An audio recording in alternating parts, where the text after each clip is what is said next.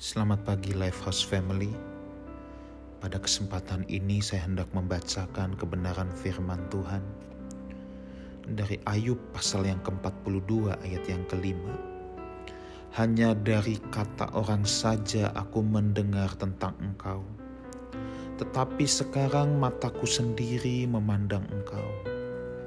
Saudaraku, Ayub bukan orang yang tidak pernah mengenal Tuhan.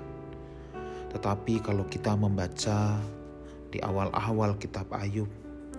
Seluruh pengenalan Ayub hanya berasal dari kata sahabat-sahabatnya. Pengenalan Ayub akan Tuhan belum didasari oleh pengenalannya secara pribadi yang bersentuhan dengan Tuhan.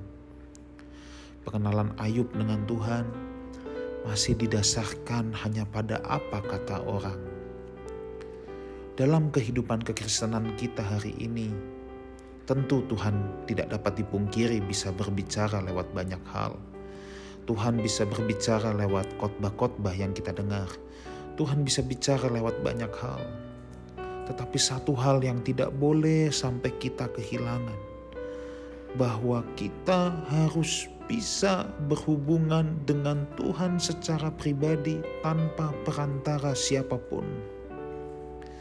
Sebab sejatinya itulah yang Tuhan inginkan ketika tirai bait suci terbelah dua dari atas ke bawah ketika Tuhan Yesus mati di kayu salib. Itu adalah sebuah penanda saudaraku bahwa setiap manusia bisa mengalami Tuhan. Setiap kita punya hak yang sama untuk memasuki ruang maha suci.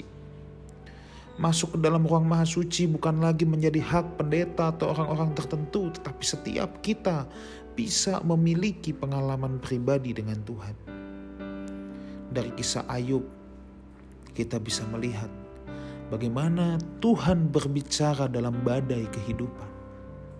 Dalam badai hidup yang luar biasa yang diterpa oleh Ayub.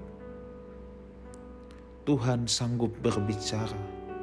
Apa kita, apabila kita sedang mengalami hal-hal tersebut dalam hidup kita, carilah Tuhan.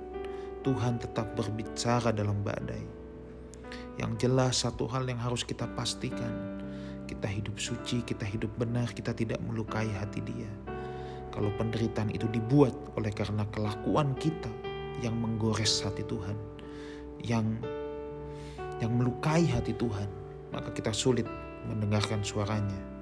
Tetapi apabila pencobaan hidup itu datang, karena memang Tuhan mau kita belajar, temuilah Dia, sampai kita bisa berkata, Dulu hanya dari kata orang saja aku mendengar tentang engkau, tetapi sekarang mataku sendiri memandang engkau. Ketika saudara memiliki kesaksian pribadi yang menggores secara dalam tentang Tuhan, maka saudara tidak akan mudah mundur, saudara tidak akan mudah kecewa dalam Tuhan, saudara tidak akan mudah menjadi putus asa dalam hidup ini.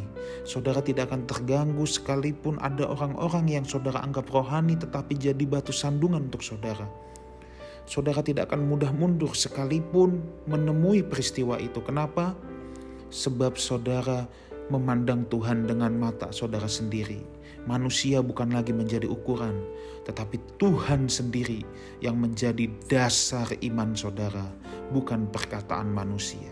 Saudaraku, marilah kita mencari Tuhan dengan serius. Saya percaya bahwa kita semua dapat menjadikan Tuhan satu-satunya landasan pengenalan kita akan Dia, bukan apa kata orang, bukan apa kata pendeta. Pendeta untuk memperlengkapi kita, tetapi pengalaman pribadi dengan Tuhan tidak dapat digantikan dengan apa pun. Tuhan memberkati kita semua.